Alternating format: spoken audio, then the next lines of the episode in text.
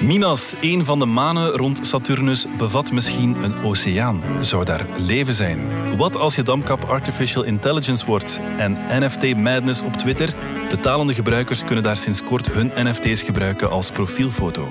Maar dat nieuws viel niet in goede aarde bij heel wat gebruikers.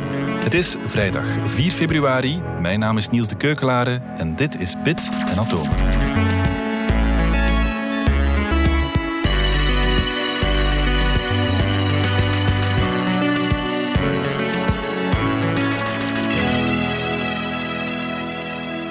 Technologiejournalist Dominique Dekmijn en wetenschapsjournalist Pieter van Doorn, welkom. Uh, ja, ook zoveel. Pieter, jij nog steeds van op afstand veilig in quarantaine? Jammer genoeg wel, ja. Pieter, we beginnen nog eens in de ruimte, want er is mogelijk buitenaards leven ontdekt.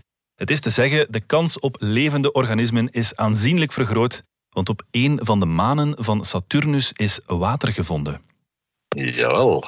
En uh, die maan heet Mimas is de kleinste bol in ons uh, zonnestelsel echt een klein mini-maantje. En tot recent uh, was er niet meer dan één lichtpuntje op de foto's van Saturnus. Mm -hmm. Maar misschien moeten we nog ietsje vroeger starten met een citaat uit de film Star Wars. That's no moon. It's a space station. Voilà, dat was Obi-Wan Kenobi tegen Han Solo op het moment dat ze de Dead Star ontdekken. Ja, ja. U weet wel dat bolvormige ding met zo'n uh, grote holle opening aan de voorkant. Nu, een paar jaar nadat die film uitkwam, zijn er voor het eerst nabije foto's van Mimas binnengekomen, mm -hmm. van de satelliet uh, Cassini. En die leek als twee druppels water op de Dead Star. Een bol met er zo'n mooie holte uit uh, geschept. Perfect, mm -hmm. de Dead Star. Nu, iedereen zegt tegenwoordig tegen die maan Dead Star, behalve de officiële astronomen, want die hebben een stand hoog te houden. Dead Star, allee, kom aan. ja. Zo van die platte dingen, daar doen wij niet aan mee. Bij ons moet iets een naam krijgen, op zijn minst uit de mythologie, of okay, moet ergens ja, ja, uh, een oude wetenschapper zijn. Dus wij noemen die krater Herschel, naar de astronoom die in de tijd uh, Mimas ontdekt heeft. Oké, okay, ja. Nu, biologen zijn er een stuk uh, soepelder in. Die hebben wel volop geciteerd uit Star Wars. Er is een trilobiet, die heet gewoon Han Solo. Hij is ontdekt in het land van de Hans-Chinezen en het was de enige soort in zijn genus, dus Han Solo. Hm. Er is een uh, mot, die heet Wokia Chewbacca. Er is een vlieg die heet Tricops vaderi. Darth Vader, de bekendste bewoner van de Dead Star. De biologen hebben zelfs een mot die heet Neopalpa Donald Trumpy. Oké, okay, ja, ja, ja, ja, Zeg maar Pieter, hoe hebben ze dat ontdekt dat daar nu water op die maan uh, aanwezig is? Wel, dat denken ze al sedert uh, 2014. Toen okay. hebben ze ontdekt dat de baan van die maan dat die een beetje wobbelt. Hmm. Die maan die slingert heen en weer. Dat is bizar, dus daar moet een oorzaak voor zijn. En ze zagen dan drie mogelijke dingen. Ofwel heeft hij een kern die niet helemaal mooi in het midden zit, maar een beetje zijdelings van het midden. Of misschien is die kern niet rond, maar een beetje rugbybalachtig. Ja. Dan gaat dat hele ding slingeren. Andere mogelijkheid is dat er binnenin het ijs van die bol dat daar een oceaan zit, vloeibaar water. Dat kan heen en weer klotsen en dat doet ook die maan slingeren. De derde mogelijkheid is dat op het moment dat die uh, Dead Star krater geslagen is, dat bij die impact het hele ding een serieuze klap gekregen heeft en daar nog steeds van nabiebelt. Ja, oké, okay, oké. Okay. Dat zijn leuke theorieën, maar dan moet je gaan nagaan. Is het misschien die oceaan? Want dat zou leuk zijn natuurlijk. Ja, ja. Vloeibaar water is een uh, voorwaarde voor leven. Hè? En het is niet de eerste maan waar vloeibaar water mogelijk zou zijn. Oké, okay, zijn ze beginnen narekenen en tellen. En in 2017 hebben dezelfde mensen opnieuw een artikel gepubliceerd om te zeggen: ja, jongens, sorry, maar het zal geen oceaan zijn. Als daar een oceaan in zit, dan moet je aan de buitenkant moet je daar barsten en scheuren in dat ijs zien. Want die oceaan die klotst en die duwt en die trekt. En dat zien we hier niet. Nee, sorry, het zal toch geen oceaan zijn. Hmm, ze zijn okay. blijven doorrekenen. Nu hebben ze helemaal eens uitgeteld hoe ver staat Mimas van uh, Saturnus. Hoe hard trekt Saturnus aan Mimas? Bij ons op aarde bijvoorbeeld, de maan die trekt aan de aarde en die trekt het uh, water van de oceaan op een bult. En die bult rijdt retjes met de maan mee rond de aarde en dat zijn de getijden. Mm, ja. Dus misschien doet uh, Saturnus, dat toch een serieuze trekkracht heeft, ook wel zoiets met Mimas. Trekt hij daar voldoende aan om die maan heen en weer open en dicht te trekken. En dat geeft wrijving en die wrijving heeft warmte. En als er genoeg warmte is, smelt het ijs en heb je een oceaan. Oké, ja. Dus dat heeft dus een paar jaar rekenen gekost. En nu zeggen ze, ja, het is net op het randje mogelijk de getijdenwarmte, de wrijving intern in Mimas zou genoeg moeten zijn om inderdaad water te smelten. Kom jongens, we gaan voor de optie oceaan. Oké, en de enige manier om te weten te komen of daar dan ook echt micro-organismen in leven, is er heen trekken, vermoed ik. Is er heen trekken en dan uh, nummer twee, dan moet je eerst nog door een uh, laag van tussen de 25 en de 30 kilometer ijs boren. Ja, is, nu op Antarctica moet je door zo'n 2 kilometer ijs en... Uh, vergeet het, dat lukt dan niet. Nee, nee, nee. Dus als je met een satellietgeder moet gaan boren, het is niet voor direct, maar ja, het zal de enige manier zijn om het ooit te weten te komen. Nee, het is misschien iets voor Elon Musk. Ja, het zou iets voor Elon Musk kunnen zijn. Die is dus uh, voor geen stunt verlegen. Hij heeft er trouwens net weer eentje uitgehaald. Hij heeft al een tijdje aan uh, de NASA een maanlander uh, kunnen verlappen. Dus als de NASA straks naar de maan gaat, de landing zal met een capsule van Musk gebeuren. En dat was gepland voor 2025, zoiets. Mm. Als de NASA tegen dan voldoende ruimtepakken klaargekregen heeft. Okay, yeah. Maar goed, Musk op de maan is voor 2025, dachten we altijd. En nu blijkt, nee, Musk op de maan is voor 4 maart van dit jaar om 12 uur 22. Oh. Want dan slaat een Falcon 9 raket in op de maan. Oké. Okay. Beetje per ongeluk. Iedereen was dat vergeten, inclusief Musk. Wat is er gebeurd? Dat klinkt niet als, als ontzettend goed nieuws eigenlijk. Bah, de inslag zou moeten meevallen. Dus op de achterkant van de maan, ja. daar is voorlopig niet veel verloren. Hij kan er weinig andere dingen plat slaan. Nu, wat is er gebeurd? In 2015 heeft uh, alweer de NASA bij Musk een lancering besteld van een hele zware satelliet die heel ver, vier keer voorbij de maan, uh, positie moest gaan nemen om vandaar de zon te observeren. Hm. Dat is gebeurd. De tweede trap heeft netjes die satelliet naar zijn plaats gebracht, maar dat was zo ver.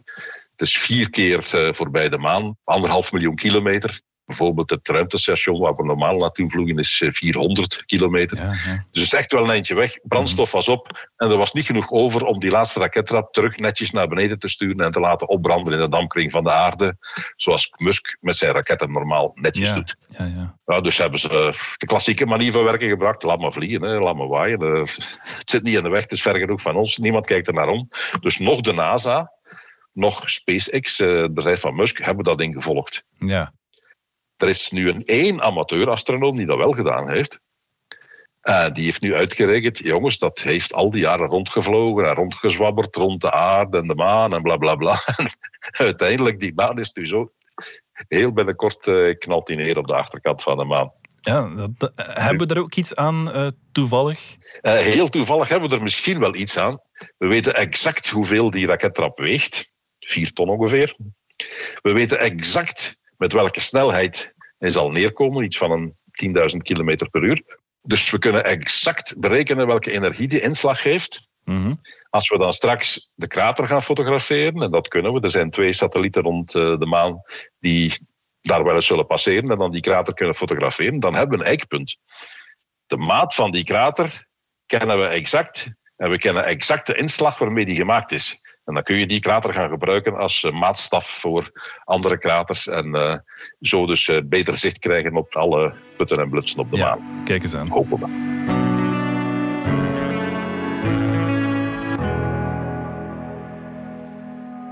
Dominique, er is nieuws dat al een tijdje gekend is, maar we willen er toch nog even dieper op ingaan. IBM heeft een deel van Watson verkocht. Uh, ja, het was al een tijdje bekend dat het te koop stond, of daar, daar werd over gepraat. En ja, Watson is natuurlijk bekend omdat het ja, een leuke naam was voor de artificiële intelligentie van IBM. Mm -hmm. Ze hebben dat in der tijd met heel veel gevoel voor drama in de markt gezet. Je hebt beelden, die kun je nog op YouTube zien, van dan uh, die uh, rare blok die dan de quiz Jeopardy, wat bij ons ooit is op de televisie is geweest als waagstuk, hè, Oh, moest ja, hij dan ja. spelen tegen, ik geloof zelfs de allerbeste menselijke kandidaat die de quiz ooit had gehad. En Mhm. dan de IBM-computer Watson wint. Ja, Het was niet helemaal een gewone tv-uitzending. Het was een speciaal opgezette situatie. Maar toch, dat, dat is tien jaar geleden gebeurd. Mhm. Ik heb ooit een maaltijd gegeten die door Watson gemaakt was. Die helemaal zelf een complete maaltijd uh, ontworpen had en de recepten gemaakt en zo verder. Dat was in een hoofdkantoor van IBM. Was best lekker trouwens. Ja, en dat was dus ook Watson. Ja. Geef hem kookboeken en hij bedenkt zelf maaltijden. Wel, IBM is die naam Watson gaan, marketen. Hè, terwijl dat zij typisch niet zo'n marketingachtig bedrijf zijn. Maar ze hebben dat in 2011 toen met, met veel drama in de markt gezet. En het hebben ze altijd een beetje proberen volhouden. En dat was eigenlijk ook wel het hele begin van de, van de AI-hype die nu nog altijd loopt. is rond 2011, 2012, toen begon het allemaal op gang te Mhm. komen. Maar ze hebben toen al heel snel gezegd waar we Watson echt op gaan inzetten, waar dat echt voor een revolutie gaat zorgen, is de gezondheidszorg. En dat is niet gebeurd. Dat is niet gelukt. Nee, ja. Ehm, de huidige nieuwe CEO van de IBM, Krishna, die heeft gezegd van ja, we gaan een beetje opruimen, dingen waar dat we te veel geld aan verliezen. En die eh Watson gezondheidszorgafdeling, wat toch ooit een gigantische brok van IBM was, eh, hebben ze nu gewoon verkocht voor ongeveer een miljard dollar. Wat op het eerste gezicht wel redelijk veel klinkt. Maar naar het schijnt hadden ze alleen al aan bedrijven die gezondheidsdata bezitten, die ze wilden eh, laten verwerken door Watson, hadden ze al eh, een goede 4 miljard uitgegeven. Ja. Dus ze hebben dik, dik, dik hun broek gescheurd aan hun poging om met artificiële intelligentie een revolutie in de gezondheidszorg te ja. Veroorzaken. Maar het is wel opvallend, hè, want bijvoorbeeld Microsoft die probeert nog altijd eh, voet aan grond te krijgen eh, in, in die... Ja, dat is een beetje de ironie. Hè. Dus Microsoft heeft onlangs een 20 miljoen geboden om Nuance, het taalbedrijf eigenlijk dat eh, ook de resten van het, het Belgische Lernout en Houspie nog bevat.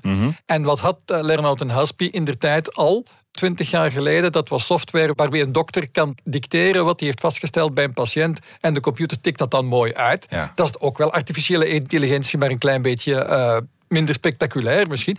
Uh, en ja, alle grote technologiebedrijven denken nu, de gezondheidszorg, daar kunnen we echt het verschil maken. Mhm. Mm -hmm. Wel, IBM zei dat uh, jaren geleden al.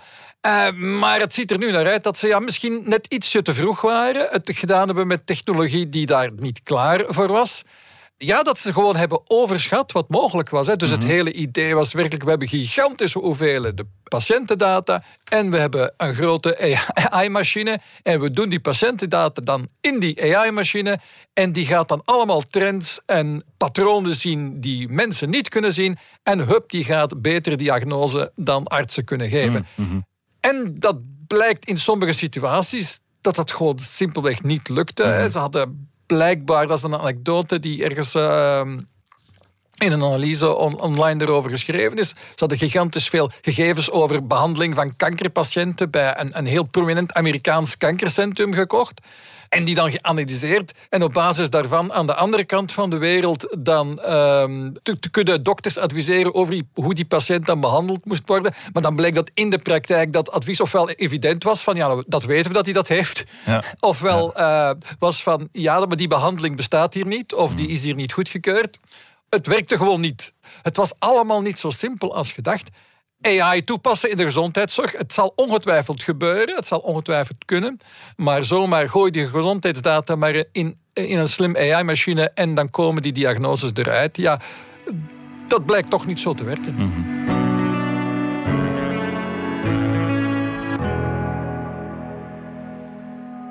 Pieter, ik dacht dat we de damkap vooral omarmd hadden als hulpmiddel om de feestdagen wat veiliger door te brengen in de pandemie. Maar op een of andere manier treedt die nu ook de wereld van artificial intelligence binnen.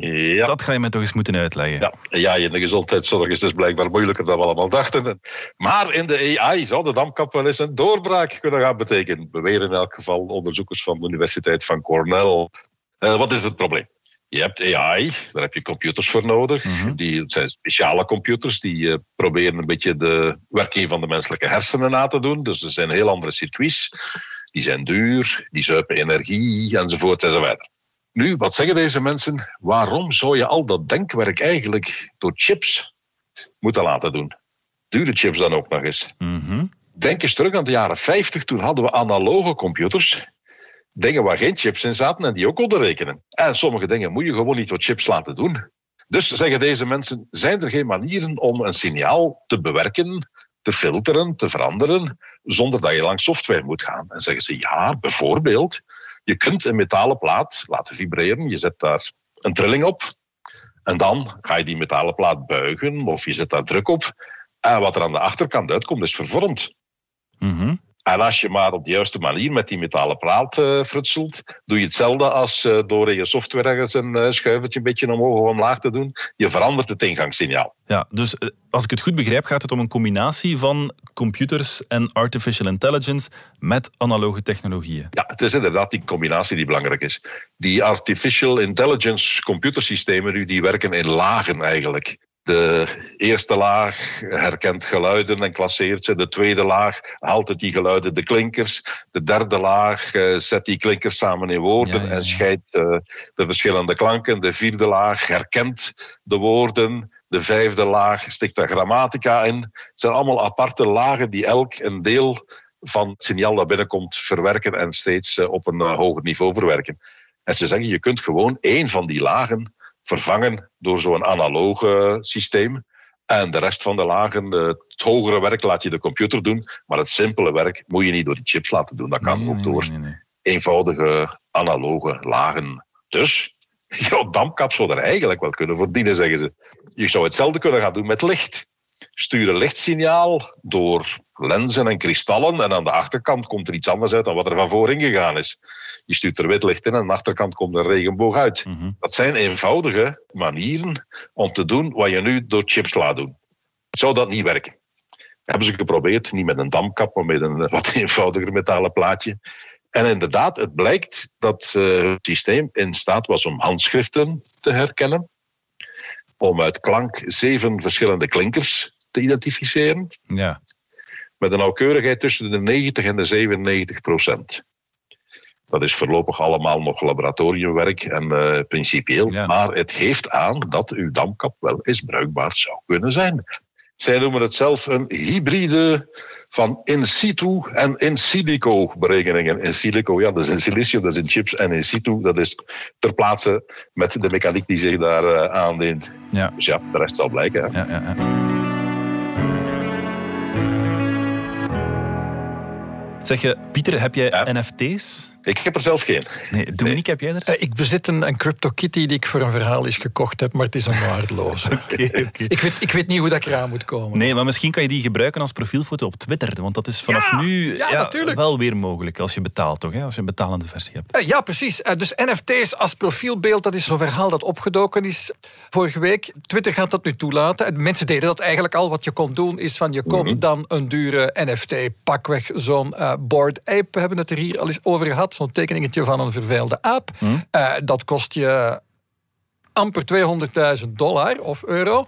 En dan, eh, ja, wat ben je ermee als je hem zelfs niet kunt laten zien? Dus wat doen heel veel mensen? Dan moet je maar eens rondkijken op Twitter. Mensen gaan die board ape dan als hun profielfoto op, uh, op Twitter gebruiken. Uh, dan denk je van, ja, waarom als je dan zo rijk bent, ga je dan een, een aap als je profielfoto's... Wel, ja, dat, dat is wat uh, mensen doen. Ik stel het alleen maar vast. En Justin Bieber heeft er net ook één gekocht, uh, vernamen we uh, nog maar net. dus ja, rijke mensen laten zien dat ze veel geld hebben door zo'n NFT te kopen. Punt is, ik kan diezelfde verveelde aap ook als mijn profielfoto gebruiken. Ja, ja, ja, want het is natuurlijk maar een JPEG-beeldje. Mm -hmm. Maar wat heeft Twitter dan gezegd? Twitter is best wel mee in die dingen, probeert dat toch te zijn. ook al is Jack Dorsey, de echte crypto-fanaat, daar niet meer de CEO. Hij is eigenlijk nu weg. Maar, maar Twitter is daar nog altijd in mee. En ze hebben gezegd van, ja, kijk, we gaan het mogelijk maken om een NFT als je profielfoto te zetten. En het is dan echt die NFT. Je kan het dus, het is niet zomaar een JPEG, we linken echt naar de NFT. Uh, wat als voordeel heeft dat je dus inderdaad kunt zeggen van ja, het is echt, ik heb, ik heb echt een board ape. Ja, ja, ja. Het is geen nagemaakte. En dat, dat het het echte is, zie je dan dat het profielfotootje in zo'n uh, zeshoekig kadertje zit. Maar je, niet iedereen mag dat. Je moet dan wel in uh, abonnee zijn van dat Twitter Blue abonnement. Dat betaalde abonnement Juist, van een paar ja, ja. dollar per maand. Dat je bij ons denk ik nog altijd niet kunt okay. krijgen trouwens. Dan krijg je een paar extra toeters en bellen in Twitter. Mm -hmm. En dus ook de mogelijkheid om uit te pakken met je NFT's. En om te laten zien, kijk ik heb echt zo'n board ape. Ja, ja. Maar zeg maar, hoe waren de reacties uh, op Twitter? Uh, wel, uiteraard doen mensen daar een beetje pissig over. Uh, in het algemeen, omdat elke verandering op sociale media altijd voor pissige reacties zorgt. Dus, uh, maar ik denk, ja, mijn eigen reactie was van, en ik denk dat veel mensen dat ook hadden, van, ja, moet dat nu? Hè? Heel veel luisteraars denken ook van, zijn ze nu weer over die NFT's bezig? Heel veel mensen hebben, laat me eens een keer gerust met die NFT's. En dan ja, specifiek het idee dat je dan effectief ook op, op Twitter moet kunnen uitpakken met je geld. Is dat nu precies wat we willen op sociale media? Dat je sneller het verschil kunt zien tussen rijke en arme mensen. Uh, met name dan cryptomiljonairs en niet-cryptomiljonairs op Twitter. Vinden we dat tof op sociale media. Maar uh, los van het feit dat uh, Twitter dat doet, is Reddit rond dezelfde tijd op exact hetzelfde idee gekomen. Daar ga je dat dus ook kunnen. En Meta, het bedrijf boven Facebook, werkt blijkbaar aan gelijkaardige dingen. Ze hebben van alle plannen met NFT's. Om een of andere reden lijkt dat een, een evident idee. Dus één, je gaat een NFT als je profielfoto gebruiken. En dan is het idee ook nog eens een keer dat dat dan 3D avatars van jezelf worden, uh, die, dan, die je dan ook in de metaverse, en dan valt die term weer, uh, zult kunnen gebruiken. Ja, er is de afgelopen maanden zeer veel opwinding rond dat soort begrippen in de technologiewereld. En je merkt dat er ondertussen, dat was zeker met de reacties op die Twitter-NFT's te merken, dat een heleboel van de gewone mensen uh, niet mee is. Ja, ik ga eerlijk zijn, ik ben er ook nog niet mee bezig, Dominique. Eh, ja, ik denk dat dat voor veel mensen de situatie is. Ik denk dat we rond die NFT's niet, niet heen kunnen. Hè? In die zin dat uh, een heel stuk van de technologie-industrie uh, gelooft daar nu in. Daar worden gigantische bedragen in geïnvesteerd in NFT's en hun mogelijke rol of niet in dat 3D-virtuele wereld, internet, dat er misschien zit aan te komen en dat de metaverse heet. Op dit moment ja, eh, is het een beetje afwachten van wat gaat er nu echt van komen? Welke toepassingen daarvan uh, spreken mensen wel aan? Wat er tot hiertoe gedemonstreerd is uh, van metaverse en NFT's spreekt duidelijk de grote meerderheid van de mensen niet aan. Mensen mm staan, er, ja, staan erbij en kijken ernaar. en ja, dat dat kan zijn dat, dat wij het dan met z'n allen zijn die het niet snappen. En de technologie-industrie heeft gelijk. En uh, Meta gaat daar 10 miljard per jaar in investeren. Dan denk je van ja. Dan moeten zij, ah, ja, waarschijnlijk weten ze wel waar ze mee bezig zijn. Dan hebben ze toch een idee waar ze naartoe willen. En B, als ze er dan zoveel geld insteken, dan ja, komt er altijd wel iets van, zou je kunnen denken. Ja. Maar op dit moment, en dat is eigenlijk al enkele maanden zo, staan we er inderdaad op te kijken. Zeggen, waar zijn ze toch mee bezig? Kijk, de toekomst zal het uitwijzen, Dominique, of het een succes wordt of, eh, of niet op grote schaal.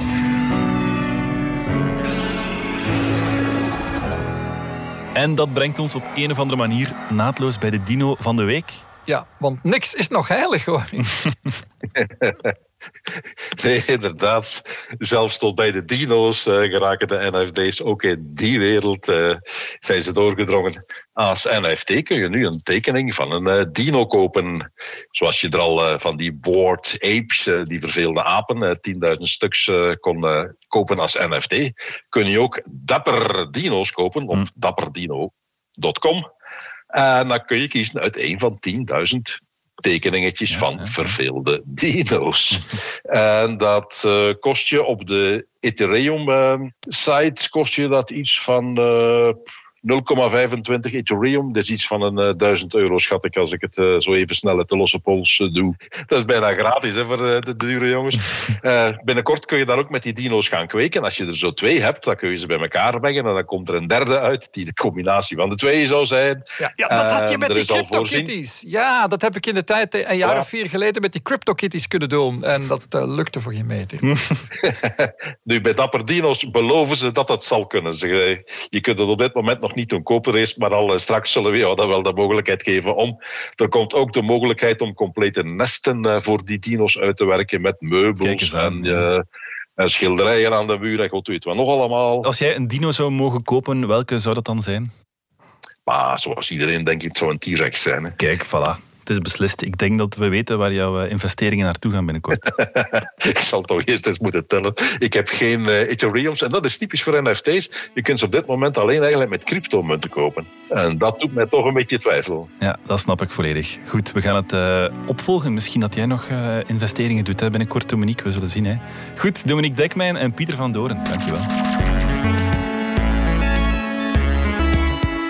Dit was Bits en Atomen. Bedankt voor het luisteren. Ken je trouwens DS Podcast al, de podcast-app van de Standaard? Daar luister je niet alleen naar onze journalistieke reeksen, je krijgt er ook elke week een eigenhandige selectie van de beste nieuwe podcasts op de markt. Alle credits van de podcast die je net hoorde vind je op standaard.be-podcast. Reageren kan via podcast.standaard.be.